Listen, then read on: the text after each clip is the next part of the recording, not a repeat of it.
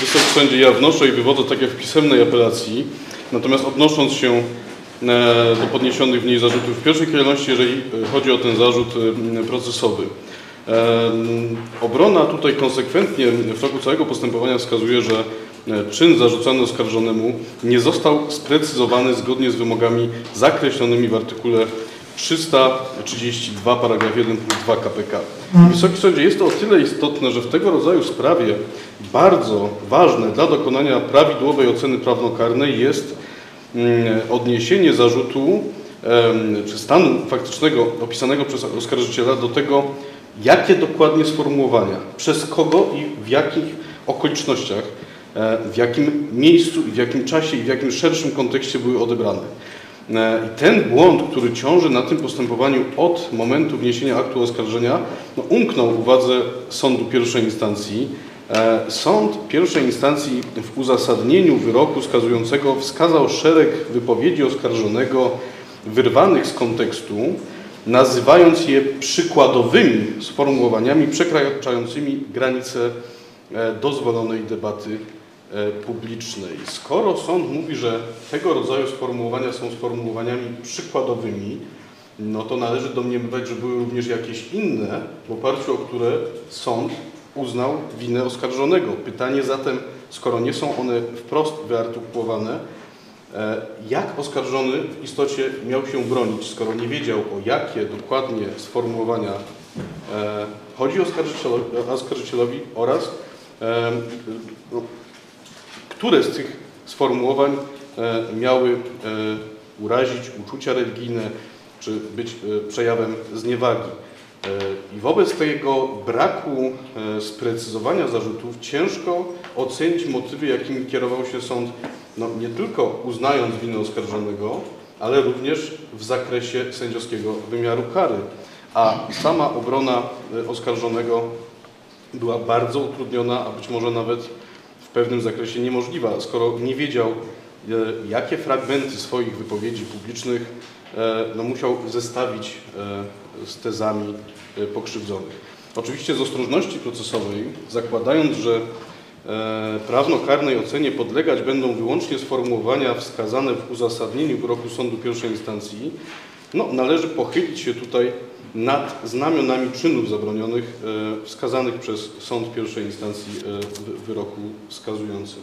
Można powiedzieć, że wszystkie te czyny mają wspólny pierwiastek, a mianowicie odnoszą się one do pojęcia e, zniewagi. I żeby zrozumieć, czym jest ta zniewaga w rozumieniu przepisów prawa karnego, należy stwierdzić, że pojęcie to zawsze należy odczytywać w ramach konkretnej sprawy na nowo, ponieważ liczą się realia pewnego kontekstu społecznego, poziom debaty i jakość, jakość debaty publicznej, e, ale również kontekst wypowiedzi, jej miejsce.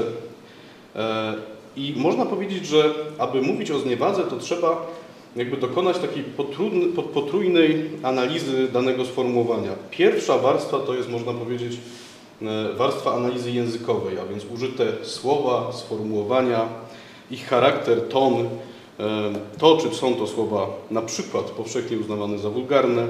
I to jest jak gdyby ta pierwsza, najprostsza warstwa analizy danego, danej wypowiedzi e, pod kątem tego, czy stanowi ona e, zniewagę mm, w rozumieniu przepisów prawa karnego. Natomiast oprócz samej warstwy językowej, tak jak już wspomniałem, bardzo istotny jest poziom debaty publicznej, a więc e, bo musimy tutaj pamiętać o tym, że należy odnieść się do pewnego e, poziomu wrażliwości słuchacza i ten poziom wrażliwości słuchacza no, również jest kształtowany przez poziom debaty publicznej. To jest pierwsza warstwa. Drugą warstwą jest kontekst samej wypowiedzi, a trzecią, być może najważniejszą, jest cel, jaki przyświeca mówcy, jego intencja. E, Wysoki Sądzie, faktem niewymagającym dowodu jest to, że w ostatnich latach poziom debaty publicznej jest niezwykle ostry nie rażą, a przynajmniej coraz częściej spotykamy się ze sformułowaniami bardzo dosadnymi, bardzo ostrymi, bardzo często wulgarnymi. E, no, faktem notoryjnym są wypowiedzi osób pełniących funkcje publiczne. Pamiętamy słynne wypowiedzi, kiedy pani marszałek Sejmu zwraca się do posła słowami to nie poseł, to ham, to ruska onuca. Inny marszałek Sejmu mówiący do obywatelki publicznie, mając świadomość, że jest nagrywany, odpowiadając na jej pytania dotyczące aktualnej polityki rządu, mówi wprost: Jest pani idiotką. E, wypowiedzi również w kontekście religijnym znanych księży katolickich, mówiących nam o tęczowej zarazie, e, czy też wypowiedź innego, bardzo znanego e, księdza, wypowiedź publiczna mówiąca o tym, że działalność pierwszej damy to szambo, którego nie należy mylić z perfumerią. Wysoki Sądzie, mm, słynny ruch ośmiu gwiazdek. Przecież wiemy, co kryje się za pierwszym członem, jakie wyrazy ukryte są. Ehm, słowa znanego pisarza, który mówi, debila mamy za prezydenta. Język używany publicznie to obecnie bardzo często sformułowania dosadne, wulgarne. I poziom tej debaty można powiedzieć, że wpływa również na wulgarność słuchacza, który zewsząd atakowany jest tego rodzaju wypowiedzi. E, pragnę również wskazać, że mamy do czynienia również z programami telewizyjnymi, programami typu w telewizji czy szkło kontaktowe, których tak naprawdę celem, można powiedzieć, jest groteskowe przedstawianie poglądów przeciwników politycznych, ludzi wyznających inny światopogląd, no bardzo często właśnie z użyciem słów mocnych, dosadnych, szokujących. Hmm, oprócz tej warstwy językowej, e, w ocenie obrony najistotniejszy jest jednak cel przyświęcający mówcy. Chodzi o odpowiedź, a odpowiedź na to pytanie będzie musiał znaleźć Wysoki Sąd dokonując prawnokarnej oceny czynów zarzucanych oskarżonemu Pawłowi Chojeckiemu, czy jego wypowiedzi są zracjonalizowane. Czy ostry język wypowiedzi służy jakiemuś innemu celowi? E, no, czy można wyrwane z kontekstu słowa oceniać e, właśnie nie poprzez pryzmat temu, e, czemu służy cała, cała wypowiedź. I chciałem tutaj wskazać, że takie rozumienie języka publicznego, czyli odnoszące się do pojęcia racjonalizacji, nie jest czymś nowym. I historycznie znamy wiele przykładów mówców, którzy byli doceniani i o których uczą, uczą nas nauczyciele w szkołach. Właśnie doceniani za to, że nie bali się używać ostrego języka po to, e, aby zwracać uwagę na istotne kwestie społeczne, polityczne, religijne. Dlaczego uczy, uczymy się o mądrym i odważnym Stańczyku jako o przykładzie patrioty walczącego rozumem, a nie orężem zbrojnym? Czym ów Stańczyk zasłynął?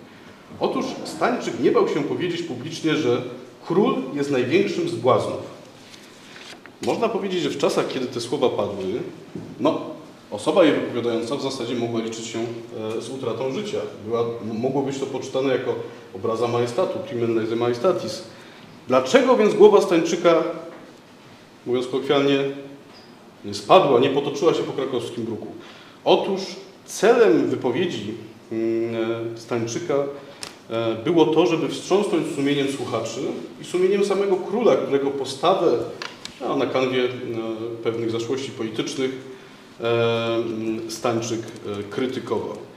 I mówię o tych już bardzo, że tak powiem, historycznych rozumieniach pojęcia zniewagi i tego, jak oceniane są czyjeś wypowiedzi, dlatego że jest to równie istotne współcześnie. Sąd Najwyższy bardzo często mówi o, o racjonalizacji, jak na przykład w postanowieniu z 7 maja 2008 roku o sygnaturze akt 3 KK 234 przez 07. I w tym kontekście warto również wskazać na zeznania świadków, którzy zeznawali w postępowaniu apelacyjnym, którzy wyraźnie mówili, że celem działalności kaznodziejskiej jest przekonanie do głoszonych poglądów, również za pomocą narzędzi retorycznych, które służą właśnie wstrząśnięciem, wstrząśnięciem sumieniem e, e, i dozwolone są e, sformułowania dosadne, dlatego, że na szali jest zbawienie. Celem kaznodziei jest walka o duszę osoby, czy też osób, do których przemawia. Środkiem czy narzędziem kaznodziei jest właśnie język. No I w tym kontekście warto zauważyć, że celem pastora Pawła Chojeckiego jest, co charakterystyczne dla wszystkich wielkich kaznodziejów protestanckich, przekonanie do odrzucenia błędów wynikających z tradycji Kościoła katolickiego, a i skupienie się na e, na treści, jakie niesie e, z sobą Pismo Święte. Pismo Święte. Celem wypowiedzi pastora Pawła Michałowskiego bywały również e, postawy patriotyczne słuchaczy, czyli nakłonienie ich do zastanowienia się nad tym, co dzieje się obecnie w polityce.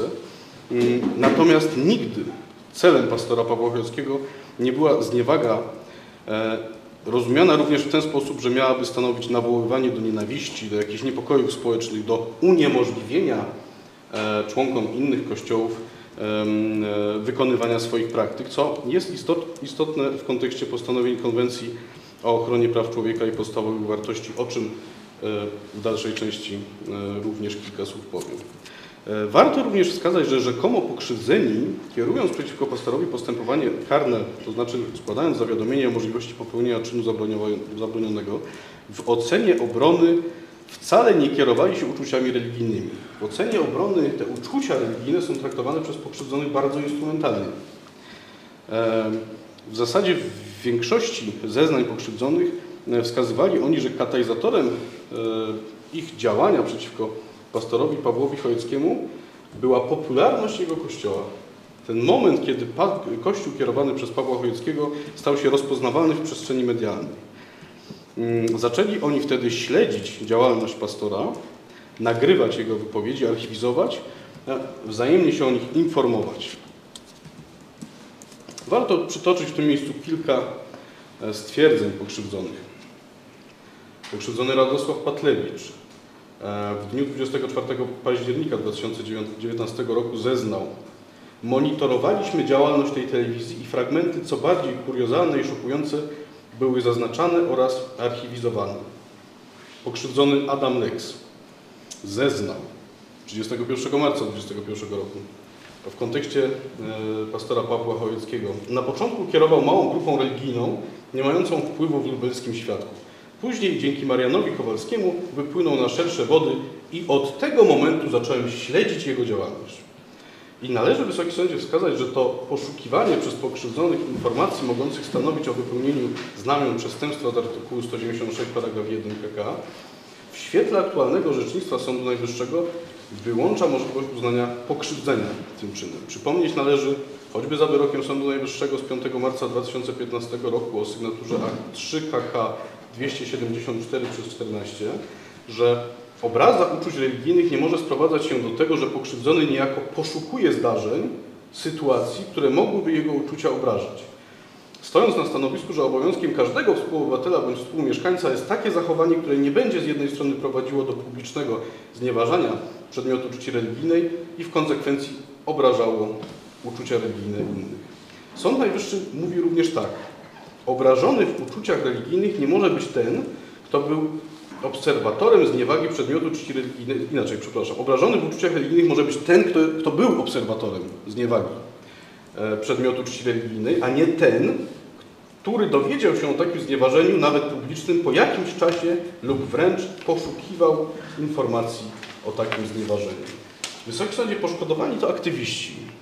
Ludzie, którzy mm, prowadzą e, bardzo mm, e, bogate, można powiedzieć, życie w mediach społecznościowych e, wynika ewidentnie mm, e, z ich wpisów w przeróżnego rodzaju portalach, że poszukiwali oni nagrań oskarżonego, aby, aby to są cytaty w Wysokim Sądzie z zeznań, aby zebrać materiał i go wyeliminować.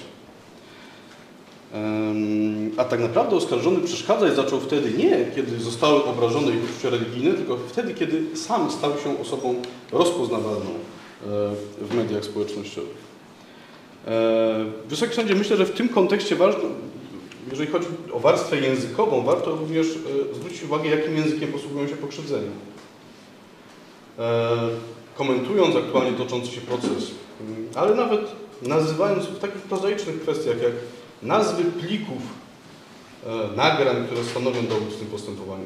Jaki język jest użyty przez pokrzywdzonych? Jak napastliwy, jak wulgarny, jak dosadny? E, Wysoki Sądzie to wszystko powinno podlegać ocenie e, prawnokarnej w tym postępowaniu. E, Wysoki Sądzie chciałem na koniec powiedzieć jeszcze o kwestiach związanych e, z orzecznictwem mm, Europejskiego Trybunału Praw Człowieka. w szeregu mm, orzeczeń tego sądu w odniesieniu do sytuacji, w której e, sądy krajowe dokonują ważenia e, dwóch, mm, dwóch e, wartości. Z jednej strony swobody wypowiedzi i swobody wyznania. mm, Mówi się o tym, że ta swoboda wypowiedzi w, pewien, w pewnym sensie ma prymat, to znaczy ona może być ograniczona tylko i wyłącznie wtedy, kiedy mm, poprzez wypowiedzi e, dany podmiot e, no, wpływa na możliwość swobodnego wyznawania praktyk religijnych lub wręcz e, nakłania do jakichś niepokojów społecznych mm, czy agresywnych wystąpień. Warto Wysoki Sądzie w tym, momencie, w, tym w, w kontekście tego postępowania przywołać wyrok Europejskiego Trybunału Praw Człowieka z 15 września 2022 roku o numerze 8257 przez 13 w sprawie pani Doroty Rabczewskiej, w którym Europejski Trybunał Praw Człowieka, odnosząc się do sformułowań, e, w których pani Dorota Rabczewska, e, stwierdziła, że autorem Biblii była osoba napruta winem i paląca jakieś zioła, e, nie poprzestał na takim m, bardzo powierzchownym rozebraniu na gruncie warstwy językowej tego właśnie sformułowania, ale ocenił to, czy te sformułowania intencji osoby, która je wypowiedziała, miały wpłynąć na, czy ograniczyć y, wolność y, wyznawania, wolność praktyk religijnych. I Europejski Trybunał Praw Człowieka mówi, że jeżeli wypowiedź jest nawet dosadna, jest szokująca, ale jej celem no, nie jest ograniczenie e, swobody e, wyzna- wyznania czy swobody e, praktyk religijnych, no nie może ona podlegać ocenie prawnokarnej. E, Wysoki Sądzie, na zakończenie chciałem powiedzieć, że w zasadzie w tym postępowaniu e, sąd dokonując oceny prawnokarnej e, wypowiedzi pastora Pawła Chojeckiego, no niejako odpowie na pytanie, czy pomimo, iż Polska jest demokratycznym państwem prawa, to tak naprawdę głosić można poglądy tylko i wyłącznie zgodne z poglądami pewnej większości, z poglądami głoszonymi na przykład przez kapłanów e, Kościoła katolickiego, czy tak jak chce tego Europejski Trybunał Praw Człowieka, mamy pluralizm światopoglądowy i możemy przedstawiać e, swoje, nawet ekstremalne, radykalne e, poglądy w sposób dosadny, w sposób wyrazisty, tak jedynie, aby nie doprowadzić do rozruchów społecznych, do ograniczenia e, swobody wyznania czy swobody praktyk religijnych innej grupy osób. I to, Wysoki Sądzie, jest bardzo e, ważna e, kwestia, nie tylko w zakresie mm, nawet prewencji indywidualnej, w zakresie oskarżonego Pawła Chojeckiego, ale w zakresie tego, jakie postawy są dozwolone w 2023 roku w Polsce, która no, wciąż jest demokratycznym państwem prawa. Dziękuję.